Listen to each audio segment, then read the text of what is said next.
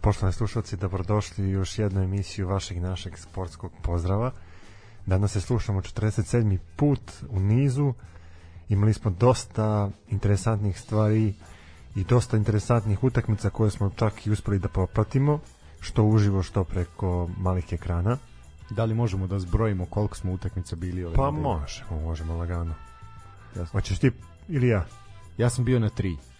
Ja sam bio na četiri. Ujebote, sedam utakmica. Naša mala redakcija sedam utakmica skrojila. A bok te. Ozbi, ne, ne, definitivno smo najozbiljniji ovaj program ovde. Ali moram da kažem da nijedna utakmica nije izvala toliko pažnje kao vaš live nastup na Instagramu. Da, ovaj, samo čekamo da se to okači na YouTube, pošto dobijamo pretnje za kršenje autorskih prava. Možda nas nisu skinuli zbog autorskih prava, ali će nas definitivno ukinuti zbog tozinog jedenja pice s majonezom i sve ostalo. Možda pade neko sponzorstvo. E, pa vidi, više je ovaj bure izazvalo šta je sve mladi Svetozar une u sebe nego šta smo mi zapravo radili i šta smo gledali. Ovaj, ali dobro. I mislim čovjek koji pitan ga na poluvremenu kako se čini utakmica, dosadno ko smrt, a bilo odlična utakmica, ali dobro, ne, ne vredi. Ja mogu da ga opravdam u nekim momentima, pazi, Samo u nekim. pa da u nekim, eto, kreneš na utakmicu, dobro se najedeš i napiješ, jer ipak ne znaš da li ćeš izaći sa tog stadiona. Znaš, kao ranije si imao momente kada jednostavno policija zatvori taj izlaz i ti čekaš dok ne odu gostujući na jači, dok ne ude rukovodstvo kluba, dok se igrači ne pokupe. Da, i na kraju kad se gasi reflektor, e onda tebe pušta i ti krećeš pod svoje kuće. Pa dobro, da, možda je, možda je poučen tim iskustvom se tako poneo. ali dobro, ajde. Ove, Toza nije, nije večera sa nama. Toza se vratio na svoje radno mesto i ponovo privređuje redno. Ovaj kao što to treba, a mi ćemo eto Pojačava GDP naše zemlje. da, da. A dobro, mora se nahraniti Pa ekonomski svako tigar, na svoj način Pa da. gleda da pomogne Pa ovdje. da, video sam da nosa WC papir sa sobom, ovaj konstantno sad poučen ovim iskustvima i dešavanjima, više ga ništa neće uhvatiti nespremnog. Tako da mi imamo WC papira dovoljno. Pa da, da, da. izbaramo, da, dobro. Da. To ti je prva pomoć. Pa, to mi je prva pomoć, u mom autu uvijek stoji WC papir kao prva pomoć. Prvo WC papir, A druga pa probiotika. da. pa dobro, vidi, nemamo svi tu mogućnost da ovaj se naše obaveze odlažu zbog zbog proliva, što bi rekli, pardon, dijareje. Ovaj tako da. No, ajmo što bi rekao naš narod, ajmo redom, ovaj nekog reda i smisla nek bude u ovoj našoj emisiji koliko je to moguće. Znači, u ovoj protekloj nedelji odigralo se jedno okrnjeno kolo i drugo, ovaj da kažemo kompletno, Kompletno, da. da. Zapravo nije još kompletno jer se dve utakmice još uvijek treba da se odigraju. A, malo ćemo kričkom oka pratiti dešavanje u Novom Sadu. Počelo je drugo polovreme između proletera i napretka. Ništa, ništa, bukvalno je to i viđeno. Ovaj u prvom poluvremenu i od 20 časova imamo de, e, utakmicu između Čukaričkog i Radnika i Surdulice, a takođe ćemo okom skoknuti i do dvorane Krešimir Ćosić u Zadru gde ćemo malo ispratiti duel a, Zadra i Partizana. Počela je to i ABA liga, rukometno prvenstvo se takođe odigralo ove nedelje, znači eto polako, polako su svi Samo je ovaj, Waterpolo da krene Pa da, čekamo još Waterpolo u suštini. i krug se zavrteo. Tako je, tako je, vrteška se ozbiljno zavrtela. Pa mislim da je rulet. ruski. pa ćemo vidjeti ko će preživjeti. Ovaj, da, ajmo, ajmo redom. Prva utakmica, premjerna utakmica tog okrnjenog desetog kola Superlige, igrana je na Karadžođu između Vojvodine i Kolubara i tu je jedno i prva utakmica koju sam ja posetio, a to kažem jedan predstavnik naše, naše male sportske E, redakcije. Reci mi prvo kako si odlučio baš da na tu utakmicu obzirom da Baš iskreno. znaš da si imao problema sa, sa poslom i šta te navelo da odeš?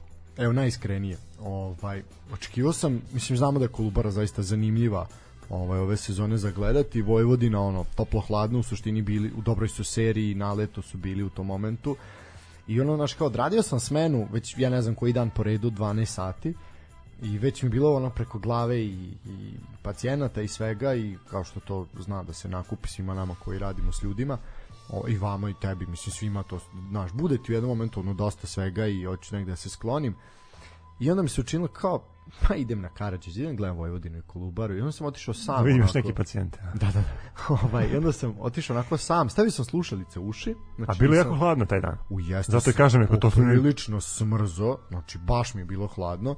ovaj ali ono baš je baš je to to veče bilo neverovatno hladno i neka kiša se nešto prolamala i sve ovaj a je to neverovatno tri dana posle toga ste imali juče veče u Beogradu gde smo ono komotno kratkih rukava bili do 10 sati uveče. Pa 25 stepeni. Pa da, zaista da, prijatna temperatura. Opet pri tom, opet kažem u Beogradu gde je ono obično hladnije nego ovde kod nas. Pa kod nas duve razni vetrovi. Da. Ovaj tako da Pogotovo se, i Subotica. Da, poprilično smrzo. Ovaj na Karađorđu i šta da kažem, ovoj utakmici Vojvodina je povela srećno ovaj autogolom Đuranovića u 14. minutu. Uh, Usvojila je Vojvodina zasluženo ovde tri boda, e, Kolubara nije nešto posebno se nametnula kao nešto agresivna ekipa, čekali su svoje šanse, međutim nisu ih dočekali. Veljko Simić je početkom drugog poluvremena nakon sjajne akcije prvo su pogodili stativu, onda je Veljko Simić pogodio za 2-0 u 52. minutu i zaista je sve onako bilo mirno i uljuljkano i ja sam verovao, bila je još jedna posle akcije, izvinjavam se, ovaj, nakon tog gola kod, sa strane Vojvodine, jel?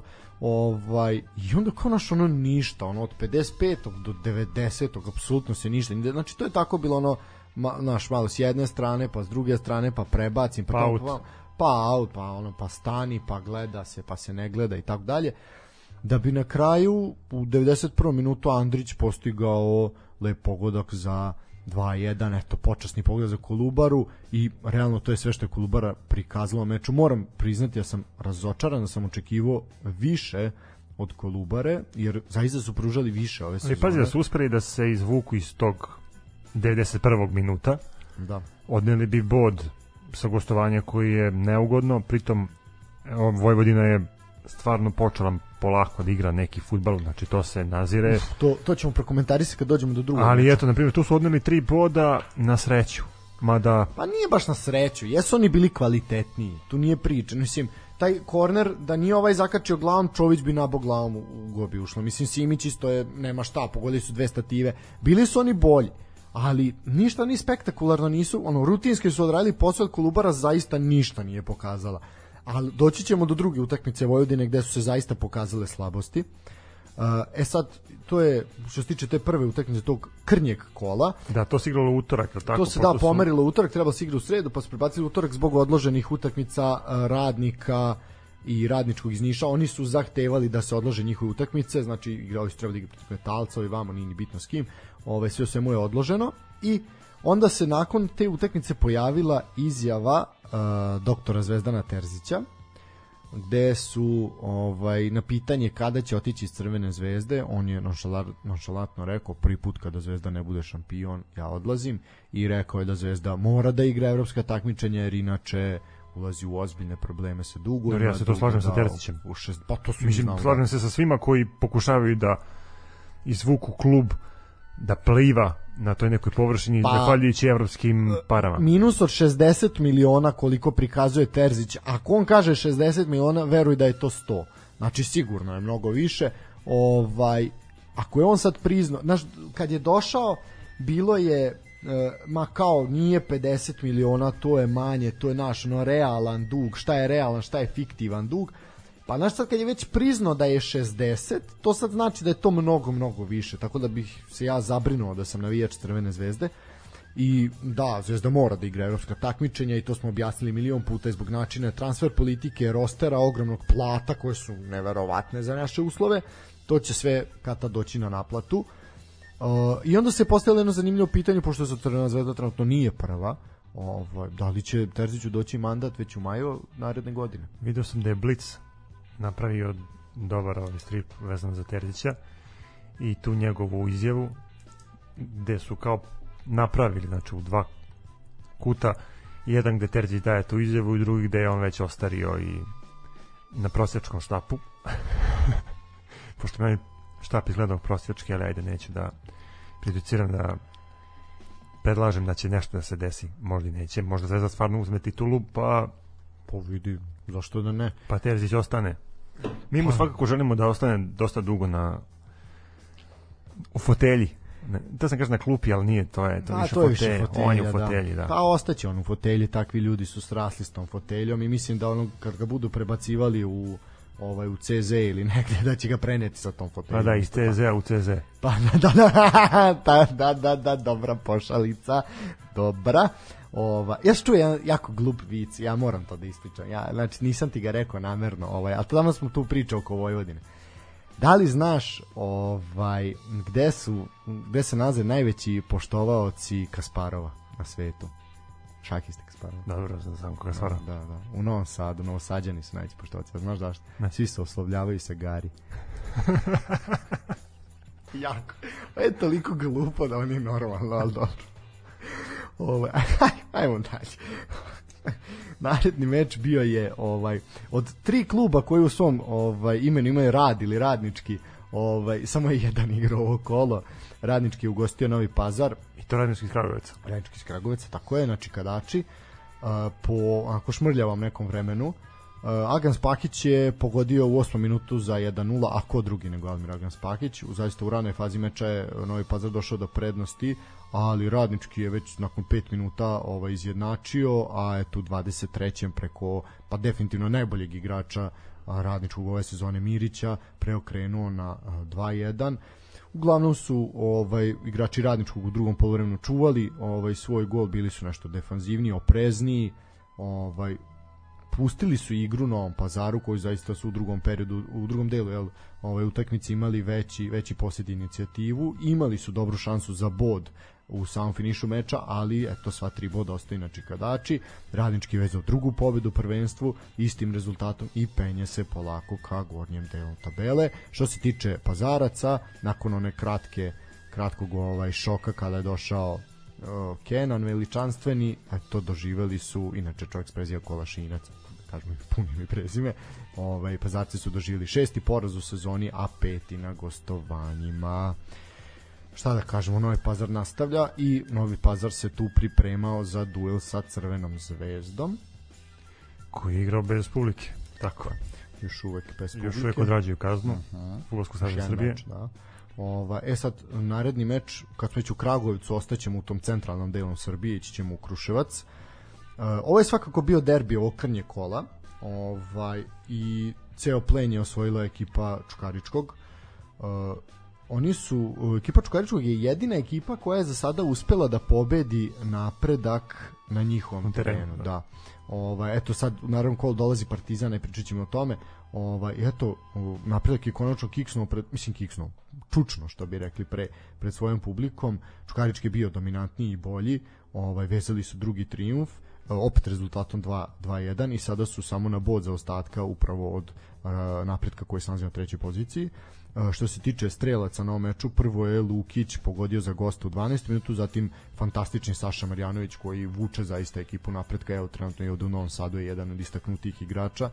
Ovaj je izjednačio za 1-1 da bi na kraju ako drugi nego Đorđe Jovanović postigao pogodak za 2-1 e sad što se tiče Đorđeta Jovanovića ili Đorđa Jovanovića ovaj on je imao jednu tužbu, ja ne znam da si ti to ispratio, Nisam. da ovaj, priznati da nisam da bio je na sudu, ovaj sudio se sa klubom kojim je kojim nastupao ovaj u Španiji, to je to za navodio se sećaš li koga je nastupao?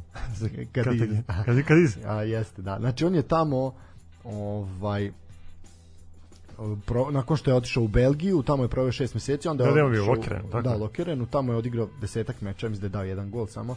Ovaj otišao je u klub sa Juga Španije, znači u Kadiz. Tamo je odigrao šest utakmica, nije dao gol. Ovaj i onda je nakon pola godine opet pozemljen u Kartagenu, to je to za lepo onda apsolvirao. Tamo je odigrao 16 utakmica, dao 3 gole i vratio se u Kadiz posle godinu dana. E sad tamo više nisu računali na njega i ugovor je raskinut u jesen prošle godine. Nekoliko meseci bio bez kluba, dolazi u Čukarički, to to znamo. E sad e, rastanak sa Kadizom nije bio prijateljski i Jovanović je posle odlaska podneo tužbu protiv španskog kluba i tražio 900.000 eura obeštećenja s obzirom da je ugovor trajao do 2023. znači prekinuo su ga ranije.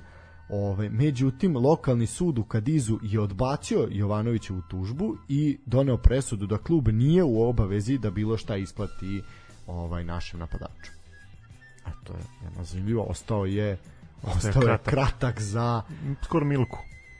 Pa skoro da, sa sudskim troškovima, sa notarom, tvoj Milka. Jebik. Šta je, mislim, ono... Uh, što se tiče njegove karijere koju je zaista rehabilitovao u Čukaričkom, evo na sada za, na 29 mečeva 17 golova. To je onaj veći prosek, ima, ima svaki drugi meč gol, to je to. Malo jače. To je ono o čemu smo pričali. Pritom i mislim da je malo sazreo i kao igrač i kao osoba. Pa I definitivno to se vidi u njegovoj igri. Apsolutno, pa definitivno znaš te epizode kaljenja, treća španska, belgijska, tamo vamo, sve te to malo. I to vucaranje po sudovima. Pa definitivno i to, to ovaj naučiš neke, neke bitne lekcije u životu. No, mi idemo dalje. Idemo, E, idemo, na sjever. idemo u Suboticu. idemo u Suboticu. Spartak Proletar, E, 1 iznenađenje 2 kola. Iznenađenje kola definitivno. Definitivno iznenađenje kola. Uh, jedna, ja sam gledao utakmicu, ne uživo, ali preko TV-a. Uh, zaista jedna brza, dinamična, lepa, uzbudljiva utakmica, odlična, znači fantastično je bilo gledati ovu utakmicu, šteta ružnog vremena, ovaj što nije bilo veći broj ljudi na stadionu. Gosti iz Novog Sada poprilično neočekivano. Ovaj tu smo popadali na našim ovaj predviđanjima. Proletar, druga pobeda u šampionatu, obe na gostovanjima, znači Proletar još uvijek nije osetio ukus pobede na svom terenu, vidjet ćemo da li će iznenaditi napredak, trenutno je 60 minut 0-0 je. Spartak ostaje samo na jednom triumfu na domaćem terenu za, u dosadašnjem toku sezone, što je u 10 utakmica poprilično slabo. Uh, ono što raduje opet uh, to da su sve golove na utakmici postigli veoma mladi igrači uh, Bertalan Kun koja je pojačanje proletera eto ima 22 godine Luka Bjelović 20 a Veljko Mladenović samo 19 godina Uh, Bertalan Kun je bio strelac u 25. minutu da bi Bjelović izjednačio u 72. Tu je Spartak pritiskao, delova da može da dođe do sva tri boda, ali onda je Mladenović ovaj zaista pa izazvao jednu šok i nevericu na stadionu u Subotici za 2-1 u 87. minutu i veliku radost igrača iz stručnog štaba proletera e, imamo onda to je završena sreda onda se uh, jedna utakmica igrala u četvrtak tu je uh, mladost ugostila Partizan ali pre toga je Voždovac ponovo smenio trenera ovaj Rogan je dobio otkaz a Aleksandar Linta je postao novi trener Voždovca. Uh, to je ono što se što se dešavalo u Voždovcu, a ova priča je nekoliko sati kasnije plus ono što se dešavalo u radničkom iz Niša izazvala jednu pokrenula jednu temu koju ćemo mi svakako diskutovati. Uh, samo ću još reći da je i u dan uoči istorijskog meča u Bačkoj Topoli prve prvenstvene utakmice TSC predstavio svoje nove dresove koji zaista izgledaju pristojno i lepo, mada moram priznati za Marku Kapeli Sporta nisam čuo. Ovaj, ali, Kapeli. Kapeli Sport, Kapeli da. Sport. Ovaj, zaista nisam čuo, ali jako to lepo izgleda i te one trenerke, trenerke, sva ta trening oprema je jako, jako pristojna i lepa, tako da zaista, zaista je to jedan plus za klub iz Topole. Uh, a ćemo prvo ovim trenerima ili ćemo o Lučanima? Pa idemo prvo da, da, da rezimiramo. Aj, Lučane ćemo onda. Uh, Partizan je došao u Lučane, uh, mesto gde se nije lepo provodio prethodnih godina, gde se poprilično uh, patio i onako bilo je tu svega i svačega i poraza nekih i onako i mučenja i svega i golova u Svakako nadoknadima. teren koji baš i nije odgovarao igračima Partizana. Apsolutno i kroz istoriju, a i kažem i poslednjih par godina. I svi su očekivali da će se Partizan mučiti, ali Partizan je zaista rutinski mislim da lakše nego ikada pre ovaj pobedio u Lučanima i a tu učvrstio se na liderskoj poziciji. Mladost je bila poprilično loša, neprepoznatljivo loša, bezopasna, slaba, sedmi poraz, oni, mislim, zaista onako... Ne, za meni su oni na početku stvarno pružili dobar otpor i ponekad mi se činilo da, da će Partizan imati stvarno ozbiljnih problema, međutim, sa prvi pogodkom sve je to palo u vodu. Da, Rikard već u trećem minutu na asistenciju Obradovića, a zatim je onda i sam Obradović bio strelac. Eto, već u prvom, prvom poluvremenu može se reći da je rešeno pitanje pobednika. Ma do drugom poluvremenu su Lučani imali priliku za Pa da, drugom, pogodak, ali eto, u drugom poluvremenu Nije bilo vezano, ne. odradio posao Da. rutinski. Obradović definitivno može se reći igrač utakmice, čovjek gol i asistencija, ovaj zaista nemam šta da kažem, iskusno, iskusno odigrao, odigrao utakmicu. Uh, to je što se tiče ovog kola krnjeg, ovaj, tu će biti jako velik problem s tim odloženim utakmicama kada će se one igrati s obzirom da imate ovaj reprezentacije koje dolaze sad i u oktobru, novembru, mislim da je pitanje da li će se u ovoj polusezoni uspeti da se odigraju. Znači, mislim da ćemo to, te zaostale utakmice gledati tek tamo negde u februaru. Pa bilo bi šteta. Pa bilo bi šteta, ali mislim da ne mogu da se setim da li postoji pravilo, ovaj tome sam razmišljao pre neki dan. Eto o čemu čovjek razmišlja. Da li moraju da se završe sve utakmice iz jedne polusezone da bi počela druga? Pa verovatno da. Znači da će onda igrati u februaru, najvjerojatnije, pošto ne vidim gde mogu da ih učačkaju. Zvezdine utakmice dve ne vidim gde može da se stavi s obzirom da imaju obavezu u Evropi ovi ostali radnik radničke oni će odigrati svoje utakmice to nije nije sporno kao i Čukarički koji takođe treba da odigraju utakmicu s obzirom da su odložili zbog Evrope. E, ovako. E onda dolazimo do zanimljivosti iz radničkog ovaj iz Niša. Tamo su imali su smenu trenera, a imali su i promenu u foteljama. Ovaj Aleksandar Jovanović nakon što je čovjek eto ovaj odradio pripreme sa Kolubarom, ovaj jednostavno naprasno je naprasno je odustao i povuku završio se ono, igračku karijeru. Ovaj nije odigrao za sada ni jedan minut zapravo da budemo iskreni za Kolubaru. O, odlučio je da prihvati ponudu rukovodstva radničkog i da postane novi sportski direktor kluba iz Niša Aleksandar Jovanović je zaista živa legenda niškog fudbala za radnički igrao 10 punih sezona ovaj rođeni Nišlija navijači i njegovi sugrađani ga obožavaju. Odigrao je čak 260 utakmica za taj klub u karijeri igrao za Ofka Niš, Ofka Beograd Sinđelić, eto par meseci je sad bio u Kolubari 343 utakmice u Superligi 184 od toga u Superliga u prvoj ligi 144 eto on će biti novi novi sportski direktor a njegova prva, prva odluka bila je da postavi novog trenera i u pitanju je Radoslav Batak ovaj E, Nišlije su eto imenovale četvrtog trenera u ovoj sezoni uh, posle samo 10 kola, što je fascinantno. Prvo je kao otprilike golovi Đorđe Vanovića tako je menjen, znači na svake pa, dve, tri utakmice novi trener. Pa da, vidi, imao si Lalatovića koji je počeo pripreme, ali je čovjek imao dogovor sa klubom, znači u slučaju da se pojavi inostrana ponuda, ja ću otići. I to se i desilo. Otišao je posle 10 dana provedenih na Džajru. Došao je Stanković koji je uh, vodio ekipu u drugom delu prošle sezone. Uh, bio je dva meseca raskid ugovora. Posle njega je došao Koković koji je tu bio nepunih 20 dana. Doviđenja prijatno.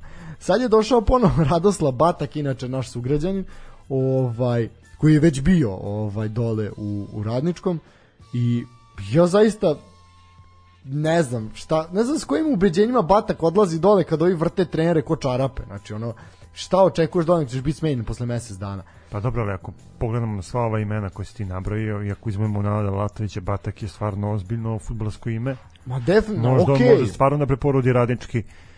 Definitivno ovom klubu su potrebne neke promene i u igračkom kadru veliko je pitanje i u organizaciji. Da, sam, da, više, više je problem to organizacija. Ovaj i sad šta se šta se desi, jel, ideja koja se rodila, ovaj, posle ove, ovog komentara ćemo ići na pauzu, ovaj, po, pojavila se ideja da će klubovi morati da plaćaju penale ukoliko u jednoj sezoni smene više od dva trenera. Pominje se neka od cifra od 100.000 eura, što je, mislim, ono, ajde proleteru naplatite 100.000 eura, od čega? Ovaj, uglavnom, ovo sve šta se radi, kako se radi, ovaj, zaista se degradira neka ideja, bilo kakva želja da se neko upusti u trenerske vode, ovaj i onda to se pokazuje klubovi da nemaju sistem funkcionisanja. Apsolutno, ljudi se Znaš kao, ti menjaš noći. trenera na svaka dva, tri kola, ako posle prvog poraza pa jebi ga na 20 dana, pa na 20 dana čovjek menja ljude, pa daj. Ono. Ovo je bio, koliko, manje od 24 sata trener. U pa, Kolubari, da, pa imali smo, mislim, ovaj, zaista, Znaš, ono prvo, kakve ugovore ti ljudi potpisuju, to je veliko pitanje, ono, to mene zanima, Ovaj, I kako se osjećaš kad te neko posle 20 dana šutne, mislim, ono, to je zaista, znači nije ti realno ni dao šansu da nešto pokažeš. Kao dođeš u klub, daje ti stan, počneš da upoznaješ grad jedna, druga, treća ulica i taman kad si provalio svoj kvart, e, aj kao, pa, pa da, za 20 dana pitanje, s obzirom na putovanje. Nisi već četiri puta opravo pa od prilike ono da ako imaš puno gaća i čarapa nisi da Mislim, zaista je ovo sramotno i ovo kalja ugled lige. Mislim, kao Pa da je ovo naj... ugledi između ostalog i trenerske struke. Apsolutno, pa onda se pitaš zašto neće ljudi da dođu da rade u našoj ligi. Pa zašto bi došli? Ko će doći? Pa nije niko lud. Ko se jednom Mislim, opet opeče... mi nije jasno i ti fun futbolski funkcioneri. Kao imaš ti sportskog direktora, imaš predsjednika kluba, kao šta se pitate, onda vidi, ko đavo. Pa ali u tome jeste, znaš, vidi, Znaš kao, ako si došao na, na, na instant priču da, da ih vrtiš ono, kao brojke na, na ruletu, onda stvarno, Pa ne, slažem se s tobom, ali znaš ono kao ima si, ima, to sam slušao a, intervju Samira Toplaka gde je čovjek rekao je dobio otkaz nakon što je pro, u, u jednoj sezoni je spaso klub, bili su poslednji, spaso ih je klub, ono digo ih je, ostali su u ligi, pritom je ono vezao neku ludačku seriju pobeda vamo tamo, baš je podigao klub. I onda je počela druga sezona i tu je bilo klimavo naš, toplo hladno, toplo hladno i onda mu je došao čovjek iz uprave Varaždina i došao i rekao kao, pa kao treneru, pa ovi tvoji ne igraju dobro kao. Pa on kao pa zna, mislim jasno, mislim ono loši smo. I on kao pa dobro aj reci im da igraju bolje. Pa i ovaj kao pa dobro reći ću. im. I od, odigrala se utakmica i ovaj do opet sretne ovoga i kao pa treneru, pa jesi im rekao da igraju bolje. Pa kaže pa rekao sam. Pa i šta kao? Pa nisu odigrali bolje. Znaš, ono, toliko to ti pokazuje samo koliko zapravo ljudi koji su neki funkcioneri u klubovima, ne svi daleko od toga, ne treba grešiti dušu, ali ljudi koji su vode klub, koji su odgovorni, nemaju veze s mozgom i sa sportom. To ti ona priča u Jugoslaviji, naš već to je bio neki ili, ili partijski ili je bio oficir, ovaj koji se nije nije mnogo razumeo. Ta, pa tako i sad, ovaj isto imaš partijske funkcionere koji se u suštini Pa i mnogo i ne ovaj, razumeju. Pa i ne razumeju, tako je.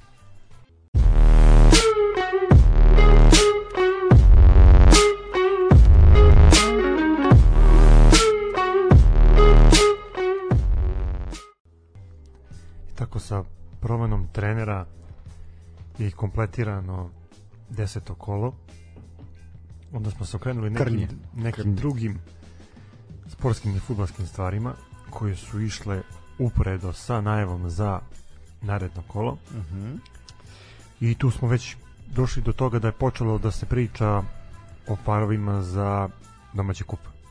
Da. Uh, izlačenje parova 16. finala Kupa Srbije biće održano u sredu 20 samo što sreda nije 28.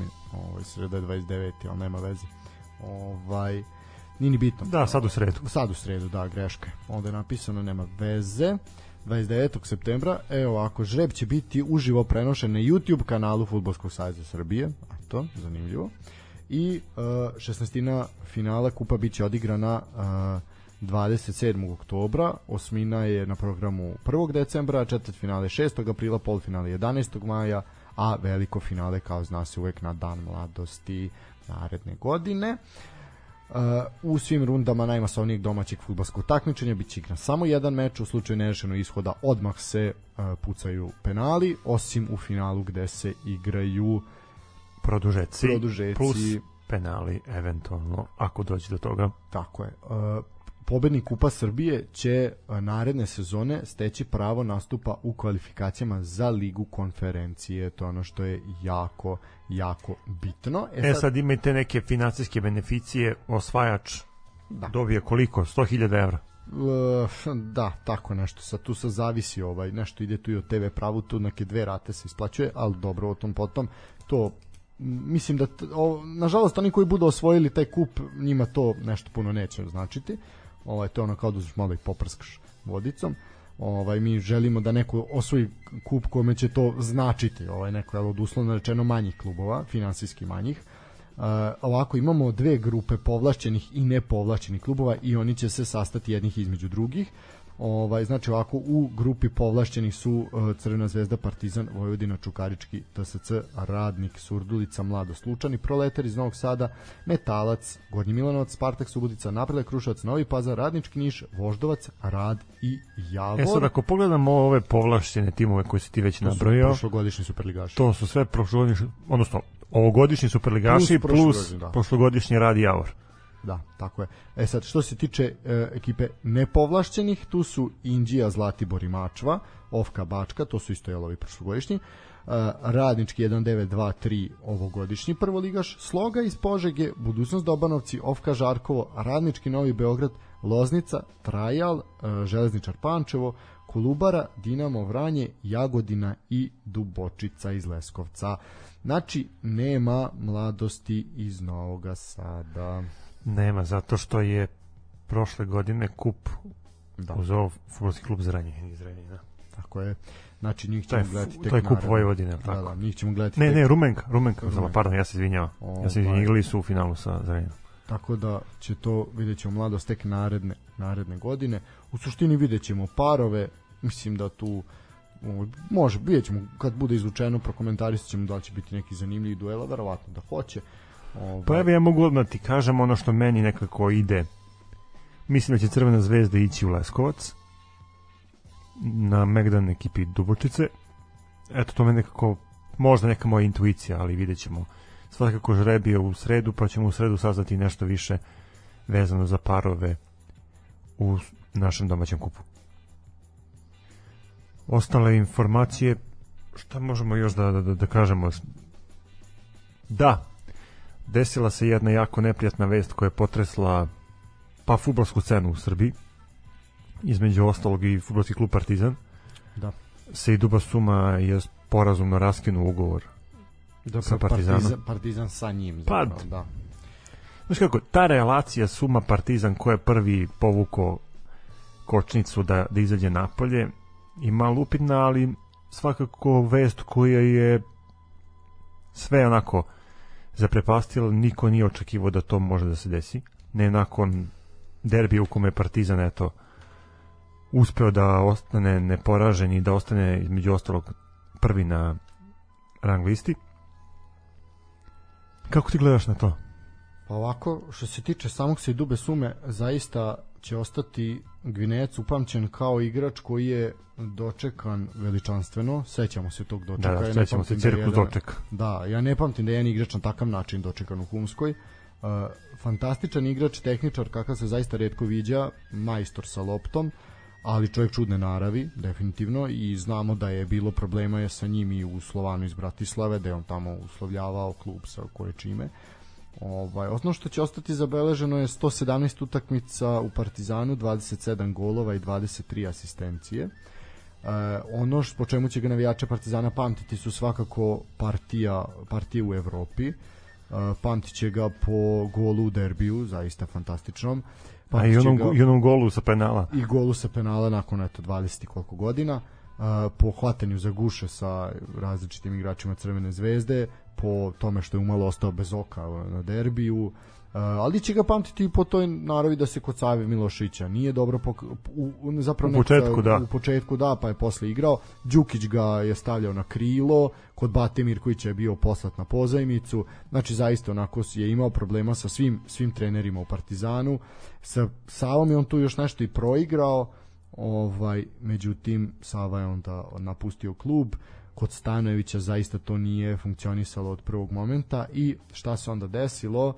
Desilo se da je ponovo došlo do tih nekih podela među navijačima Partizana i uopšte sportska javnost je podeljena jedan deo je stao na stranu Aleksandra Stanojevića i kluba a drugi na stranu Dube Sume E sad, mi možemo ući u ovu vrzinu kola rasprave. Pa ja bih volio da, da uđemo, da, uđemo. jer me interesuje tvoje mišljenje, interesuje me i ovako šta misli sportska javnost. Pa reći ću ti i Tozino mišljenje. Da, između ovaj, Tozino. Toza, ja smo pričali o tome ko je pratio naše Instagram uh, javljanja ovaj, na putu kad Topolije čuo tu priču i Toza ima jedan stav koji je poprično jasan, a to je da je klub iznad svega.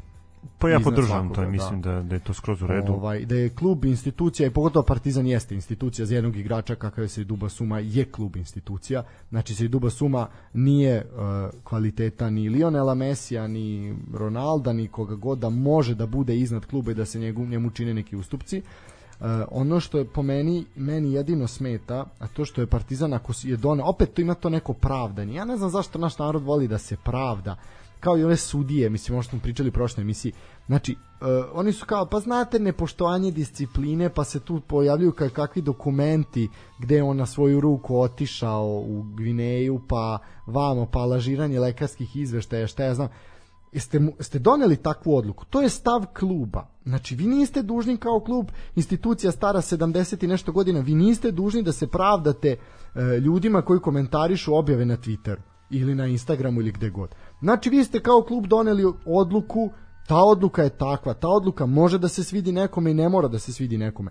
Isto tako, znači kao što ljudi podržavaju Aleksandra Stajnovića, tako i su i na drugoj strani. I uvek, znaš, bavimo se nekim pričama ovaj, a umesto da se rešavaju neki problemi gde zajedno ima šta i taj klub i ti navijači imaju mnogo problema da reše nego se ovde postavlja pitanje za i protiv za se i dubu sumu ili protiv Stanojevića znači ne to nije takve stvari zaista nemaju mesta. Umesto da Partizan gleda kako da privuče publiku na stadion kako da obogati shop, kako da, mislim da ono, umesto da iskoristio tog se i dubu sumu na neki pozitivan način što se tiče marketinga, ili, mislim, ta reč marketing ne postoji u futbolskom klubu Partizan, znači, ajde nešto da, da se uradi, ne mi se sad bavimo ono kao i ona gl- najgluplja najgluplja tematika ikada da li treba menjati grb Partizana ono to kad se krene ono kad se izgubi titula onda ćemo se bavimo time da li treba grb da se menja ili ne treba se menja klub je doneo klub je doneo ovaj takvu odluku, tačka. To je stav kluba i kraj. Klub nije dužan nikome da objašnjava zašto je takvu neku odluku doneo. Kraj. E sad, ja bih volio da čujem i tvoje mišljenje o svemu ovome. Pa ovako, prvo kad pogledamo taj period od koliko četiri sezone koliko je Seruba Suma proveo u Partizanu, on je najavljen kao jedna velika bomba, kao igrač koji koga nema na našim prostorima, tako ga je između ostalog i nazivao Ivica Elijev, to je njegova bila prva bomba koja je lansirana u ovu da kažemo srpsku orbitu. Njegov sam dolazak uh, je ispraćen tako da liči na dolaske nekih velikih zvezda u velike evropske klubove, pa smo imali to žongliranje ispred istočne tribine, decu koja vrište za njim i sve to što je propraćeno tim marketičkim potezom koji je verovatno Partizan hteo da, da podigne cenu između ostalog i samom Sejdu Bisumi. Pritom kad smo kod cene, on je plaćen baš dosta i eto izašao iz tog ugovora sa Slovanom iz Bratislave gde je imao problema sa rukovodstvom kluba, čak imao problema i sa svojim saigračima tamo. Dolazak u Partizan, odmah guranje u vatru, između ostalog eto da se desio i taj derbi gde je gde je on šutirao taj penal koji je pogodio i koji je uspeo da, da realizuje samim tim Partizanu skine taj okov koji je imao dugi niz godina od tog čuvenog Da.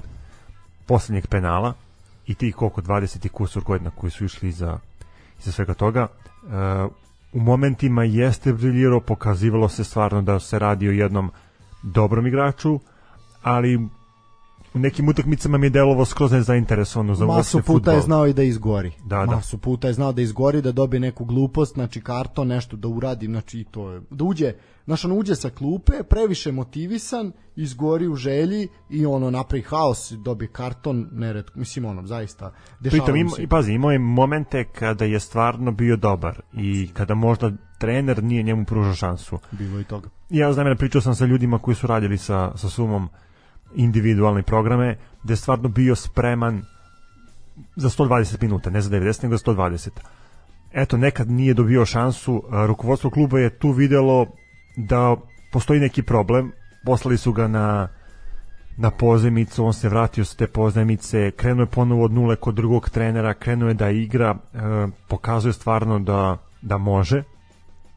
Eto u toj utakmici sa Manchester Unitedom pokazuje stvarno da se radi o jednom jako dobrom igraču i po meni on je te sezone i opravdao taj novac koji je bio uložen u njega. E, sa promenom trenera i dolaskom e, Sava Miloševića njegova formacija i njegova igra do, dovela je do toga da stvarno on ima svoje mesto na terenu.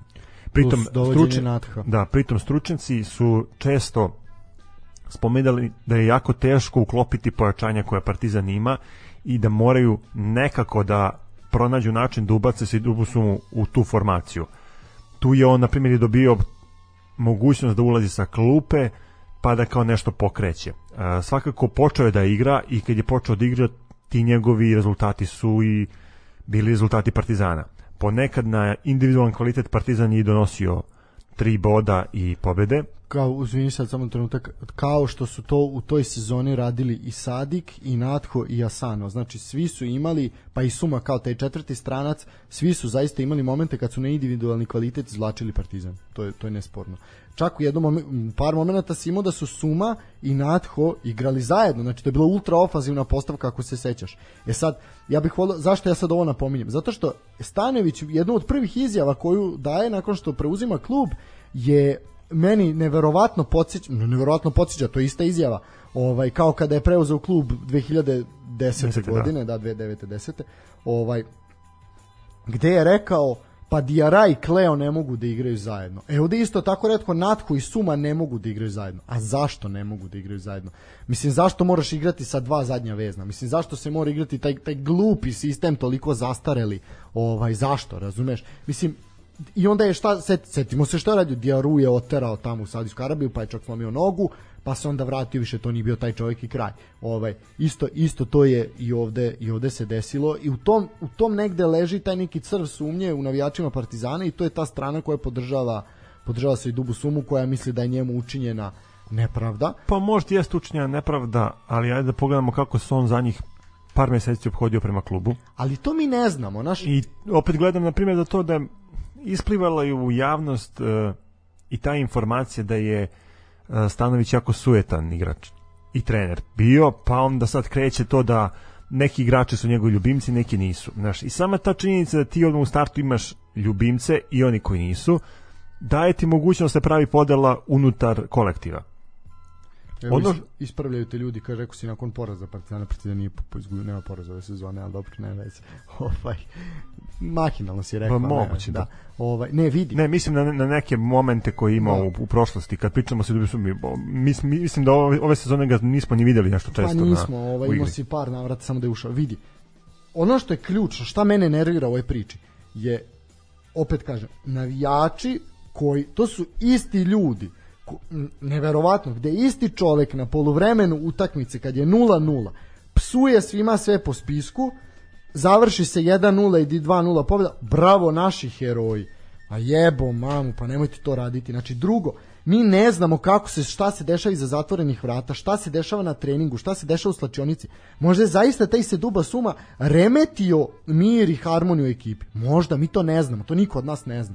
I naš mene jako nerviraju te stvari što sad svi, svi naš pročito sam negde na nekom portalu pa se ja sad pravim pametan ili u komentaru e znaš ja imam nekoga koji je rođak ekonoma koji pere dresove. Aj mani me razumeš? Znači to mene nervira. Kao što ako je klub doneo jasan stav pokažite bre kohones jednom u životu da stanite za vaše odluke. Šta se večito bojite nekoga? Šta se vi bojite ljudi koji komentarišu na društvenim kao oni vas mogu da smene Pa vas će, može jedino da smeni onaj koji vas je tu i postavio, a svi znamo ko je to. Kapiten, što bi rekao profesor. ovaj, ne, pa zaista, to, to ne, nemojte to raditi. Znači, sti, samim tim pljujete po sebi. Da, mislim da ne pričamo Ivici ili Ivu kog se spomenuo, to, to je tek harakiri, mislim, to je bez veze. Ovo je što ispominjati. Znači, ako ste doneli odluku u redu, e, mi ne znamo šta je se Duba Suma, kako se on ponašao na treninzima. Da li on zaista, možda čak nije teo trenera, možda je bojkotovao, možda na što sad se ne, možda zaista, s druge strane, možda je taj Stanović zaista govno čoveka, pa je ovoga terorisao, mučio, ni podaštavao, vređao, rasistički ispad, niko to ne, mislim, to niko ne može da potvrdi sa, sa i sad svi ti tekstovi koji se pojavljuju su naručeni, mogu biti naručeni sa jedne i sa druge strane, mi znamo da naši novinari pišu tekstove za 20 eura. U, da je samo 20 eura. Pa, za, i za pljeskavicu u Vajatu napišu, razumeš, gurmansku. Ovaj, tako ono bit doplati kuglu urne besa jeo tekst sva hoćeš. Znači tako isto može biti naš da je se duba suma svetac pred kojim je učinjena nepravda, najveća svetska ono biće uvršten u apostole, a s druge strane može biti Aleksandar Stanović ono nosi traku sa kukastim krstom oko ruke. Dobro, ako pogledamo celokupan učenik, učinak se dube sume u Partizanu. Imaće po čemu da Imaće da po čemu... sećaju i to bez, bez razmišljanja. Svakako i tu utakmica protiv Manchestera koju se, eto, ja sam zaboravio da ti se setio, to je toliko dosadna utakmica da je jedino što je vredilo na, taj, na toj utakmici je bilo bio taj potez sume kad je bacio Maguire ono iskrivio mu kičmu kao najskupljem defanzivcu u istoriji u tom momentu. Pritom, eto, da sad, sad sam se sećao, Partizan ove godine jeste imao poraze u evropskim takmičenjima. A jeste, da. Ovaj, ali ajde, da pričamo o tome, ono što sam ja, eto, kažem, ti si spomenuo te insajderske informacije, ja sam dobio isto tu neku insajdersku informaciju od ljudi bliskih klubu, koji su mi rekli da na povratku sa nekog evropskog gostovanja, da je jedan od igrača Partizana koji čini ono odbrambeni bedem, glasno ustoji rekao, kaže, kod Stanovića smo svi jednaki, kod Save se znalo Suma, Sadik, Natko. Da, stranci su bili, stranci su bili povlašteni, ali znaš, to su sad dve filozofije. S jedne strane, ja poštujem da su treba da svi budu jednaki. I klub je iznad svih i to je ta priča, to je ta Stanovićeva priča izlizana, deca Partizana razumeju klub, razumeju to. O tome se tu radi. Pa dobro, ovaj. zato što su datle ponikla. Ma da, prošlo si ono da, ceo drill kroz milion selekcija, da. da. Pritom ono, pretpostavlja se da si iz, tog okruženja. Naravno, došao si kod dete, tu prošao si sve, na to se misli. E sad, uh, da, s jedne strane je opravdana i ta Savina filozofija gde ljudi koji realno su osovine i koji donose prevagu, jer se to tako radi u evropskim klubovima. U velikim evropskim klubovima imaš igrače prve kategorije, druge kategorije, treće iz rotacija i tako dalje. Znači, to postoji se, ne mogu biti svi isti, jer ne doprinose svi isto, niti su svi isto kvaliteta. Upravo tako, ali opet sad, ja se vraćam na ono što sam rekao na početku, izjavu Ivice Lijeva koji je tada apostrofirao da nema profila igrača kao što je Siduba Suma u Srbiji i onda su oni morali da ga dovedu. Upravo je to njemu dao na važnosti. Ali ajde sad da, da pogledamo... Ivica je garantovo iza Ožegovića. Pa, pa, ali opet, ajde da pogledamo u kom se stanju sad Partizan nalazi i kako on može da amortizuje ovaj odlazak Siduba Suma. Pa jako teško. Znači, ovo je veliki problem za Partizan. Jer ti gubiš igrača u rotaciji koji ti je jako bitan, izuzetno kvalitetnog igrača u rotaciji koji ti je jako bitan.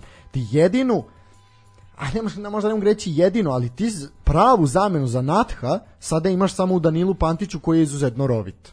Znači ti si imao se i Dubu Sumu koja ti je igrao, popunjavao poziciju koju je Natho igrao. Natko je već igrač u ozbiljnim godinama, gde se njego ne može očekivati 90 minuta, pritom se ne može očekivati igra svaku utakmicu. Mislim, ovo što radi sa Ricardom je po meni suludo. Znači, Pa jebote, daj, vodiš 3-0 na polovremenu, pa skloni čoveka, zar mora da odigra svaki minut, ubaci Holendera, imaš tog Meniga sada, ubaci gde su ta deca, šta se desilo, zašto je Štulić na tribinama, gde je Milovanović, ono, ajde daj, zašto ti Slobodan Stanojlović Čami u, u TSC-u čovek bio najbolji strelac prošle godine Prve lige Srbije, jedan od najboljih strelaca. Znači, po meni je to suludo.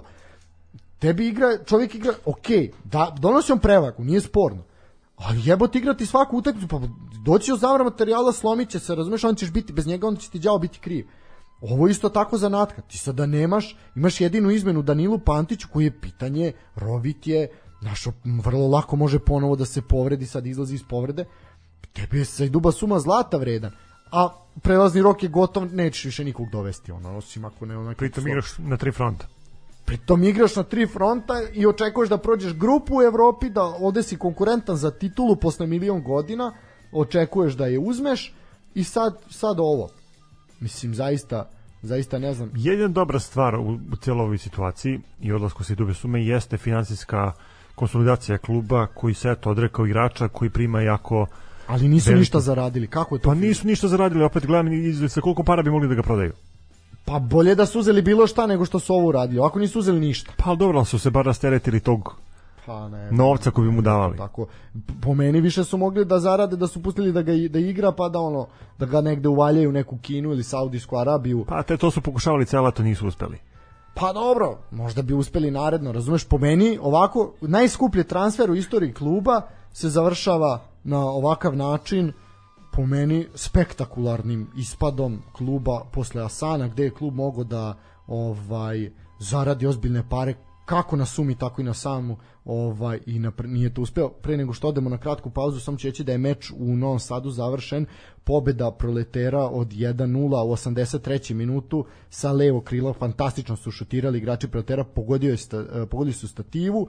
Eh, naleteo je Tanasin koji je pogodio golmana i iz tog odbitka u petercu se na pravo mesto našao Brazilac Leonardo eto ga ovaj pardon ne Leonardo nego Evandro eto priviđa mi se Leonardo ovaj, i nakon odbitka je to uh, jedno od posljednjih pojačanja proletera ubacuje loptu u mrežu za vrlo bitne bodove. Što se suma sumarom ovog meča četiri udarca u okvir gola proletera dva u okvir gola napretka jedna jako spora i traljava utakmica gde je eto proletar bio bolji za taj jedan pogodak ajmo na pauzu Stefane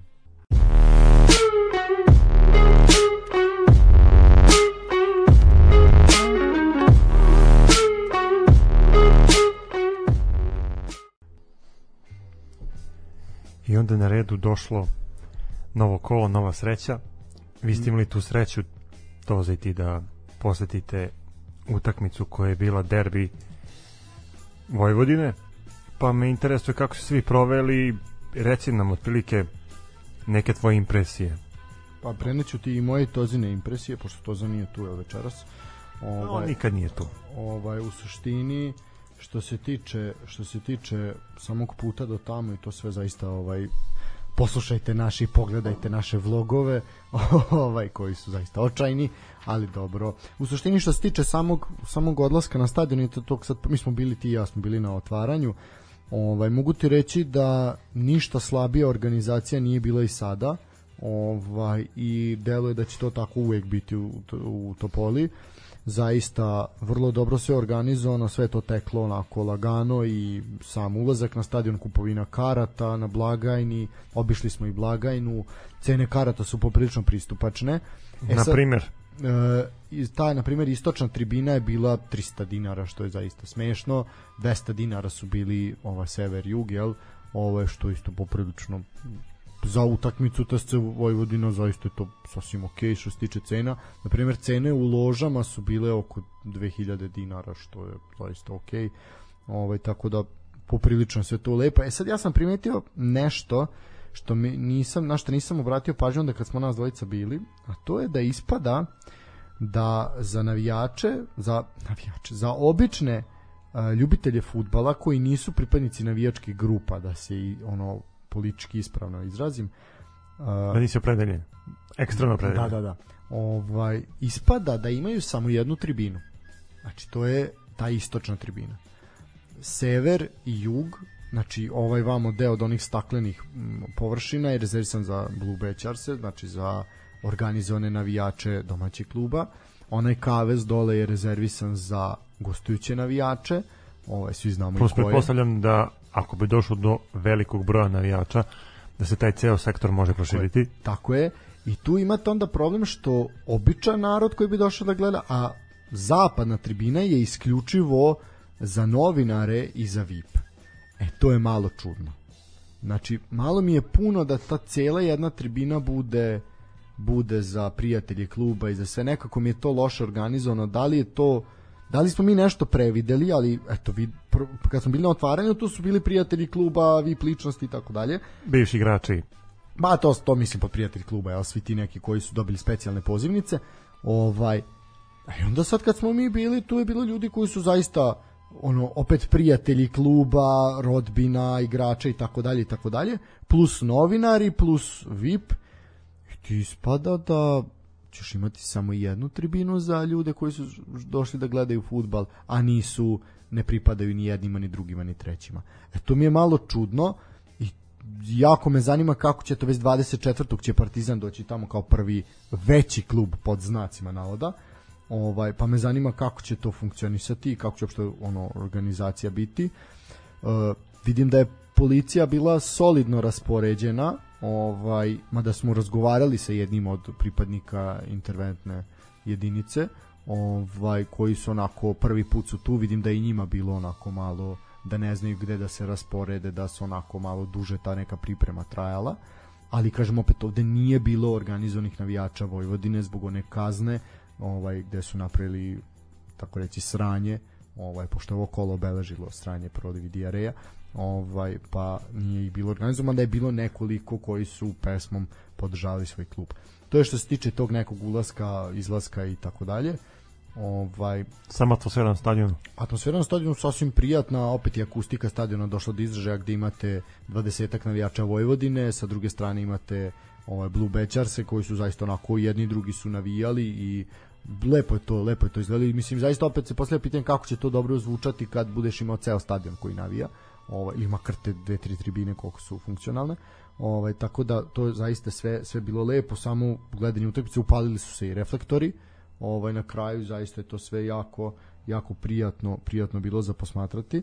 Ovaj, I sad što se tiče same same utakmice, uh, TSC je bio u prvom, prvo polovreme 0-0 i bilo je dve dobre šanse na, u, u tom prvom polovremenu, jedna za TSC, Đuro Zed zaista kad god je primio loptu čovjek je nanizao dva igrača bez problema, jako lako je prolazio kroz odbranu uh, Vojvodine, s druge strane Vojvodina je imala tu jednu ovaj opasnu šansu gde je zaista Bastajić promašio, mislim promašio. Prvo mu je čovjek odbranio, majstorski se čovjek baci u stilu Vladimira Stojkovića, ono na jedan na jedan kad izlazi, ko rukometni golman i onda je on odbila mu se lopta i on je on pokušao još jedan put da na prazan gol međutim udarac je bio toliko slab da je čovjek iz odbrane stigao da počisti ovaj to je bila da sa golinje. Da, da, da, ovaj to je bila najozbiljnija šansa za Vojvodinu. Da ste imao posle još jednu priliku gde je ovaj Ratko u napadu jako slabo šutirao, poprilično čak i neozbiljno. Uh,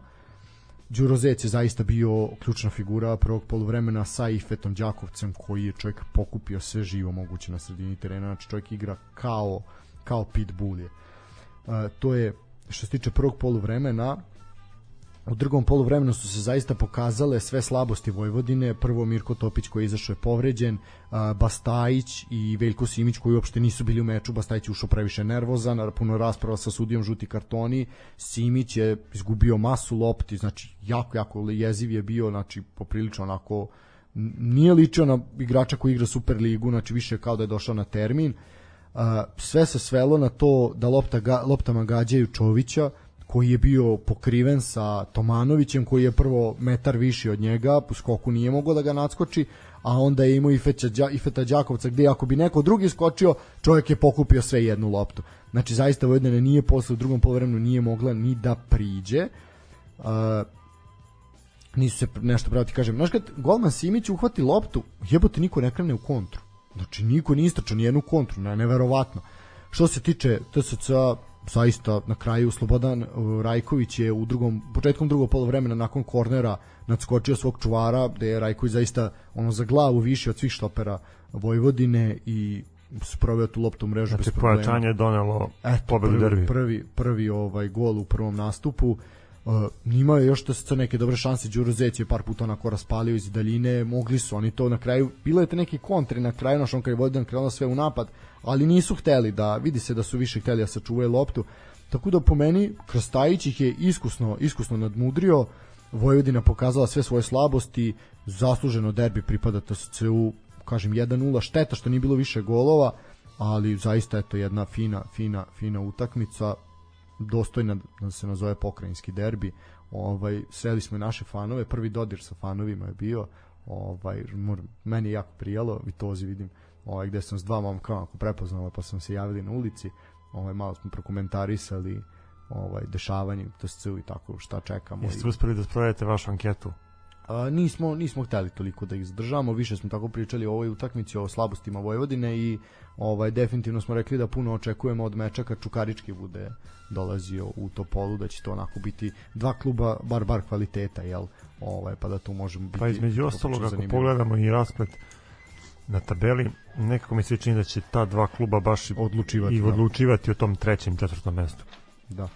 Ali ne bi da pocenjujemo i drugi klubove. No, no, apsolutno, pa eto napredak trenutno se nalazio na trećem mestu do početka ova dva kola. Uh, Onda isto pola idemo Lazarevac. U Lazarevac, utakmica Kolubara, Radnički Niš. Uh, Prva pobeda Radničkog gostima. I moram da kažem, jako veliko iznenađenje. Da. Ja sam očekivao da će Kolubara uspeti da da osvoji bod na svom terenu, ali opet pružili su dobru partiju, dosta golova, međutim, eto, Radnički uspeo da pobedi rezultatom 3-2. Prva pobeda radničkog gostima. Tako je, treći uzastopni poraz Kolubare u prvenstvu. E, meč je obeležio fantastični Mitrović, mladi futbaler Nišlja koji imao svoje, meč, svoje veče sa dva sjajna pogodka, veoma zrelom partijom. Uh, ono što bih ja svako istaknuo i pogodak uh, Miloša Filipovića ovaj koji je zaista jedan od lepših u ovom kolu. Nažalost navijača nije bio dovoljan za bod jer je on je već u 60 minuta je bilo 2-2, Vujadinović u 78 doneo pobedu Radničkog. Ono što je bitno Tako da je, Filipović imao neki poseban moment. Da, da, taj je bio onako jedan pa sigurno najemotivniji moment uh, sa te utakmice u Lazarevcu gde je to Miloš Filipović u suzama proslavio ovaj zaista prelep gol, posvetio ga eto nedavno preminuloj majici. Što se tiče samog toka utakmice, mislim svaka mu čast da ono da, da treba posle... budete fokusiran da, da izađete da, na pa teren da, i da igrate utakmicu kada ne može znate da svako, ne može svako. Da imate područnu tragediju za sebe. Pa da, eto imali ste sad ne usporavam, ali imali ste Aleksandra Lutovca pre koju nedelju koji je dobio do, ono, dobio dopuštenje kluba da, napu, da ne učestvuje u igri ovaj, i što je zaista opravdano, ali eto imate, imate i ovakvu sortu ljudi koja izađe kad je teško i ovaj, i da maksimum od sebe i nekako eto, Lutovac je u toj utakmici baš postigao pogodak imamo sad situaciju sa Filipovićem da, da, da, pa bilo je jedno kolo kao da je, odloženo pa terenu, da. Pa da, kao da je teren u Lazarevcu nekako taličan za, za pa eto, te događaje, ali ne bi volio da se ponavi. Što bi rekao, da, nažalost, što bi rekao Duško Vujošić, sport je još uvek jedino mesto na svetu gde pravda može ponekad da pobedi. Što se tiče samo toka meča, Mitrović je u 29. minutu postigao gol za, za 1-0, Andrić je u 42. izjednačio, da bi Mitrović ponovo u 50.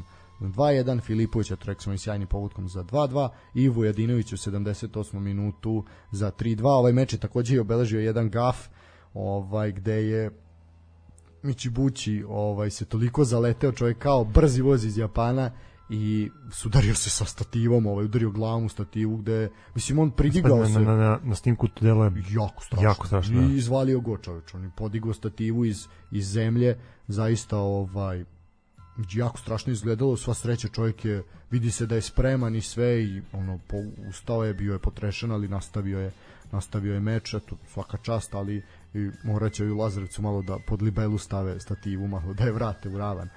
Ovaj, to je bilo sve najava jedne ono što se očekivalo da bude jako zanimljiva i vatrena utakmica, to nije bila, delom zbog toga što nije bilo publike u Novom pazaru, a drugo zbog toga što je Crvena zvezda navukla gnev na sebe ovim odlaganjem i mi namerno nismo pričali o tome dok ne dođemo do meča Crvene zvezde. Znači, nakon što su ovi ova dva kluba najavili, tačnije odložili utakmice zbog zaraženih ovaj koronavirusom, koliko sam ja shvatio, Crvena zvezda je odložila zbog stomačnog virusa. Usrali se, tako reći. Ovaj, da smo se usrali, ja? Ajde, aj, mo, ok, ajde otvorimo u temu sad pre nego što krenemo analizu meča. Ovako, onako je meč bio jednostran totalno. Ovaj, znači, ti imaš roster od 30 i nešto igrača. I, ok, četiri igra, jedan ti završi fiktivno u bolnici ili zapravo mi to ne znamo.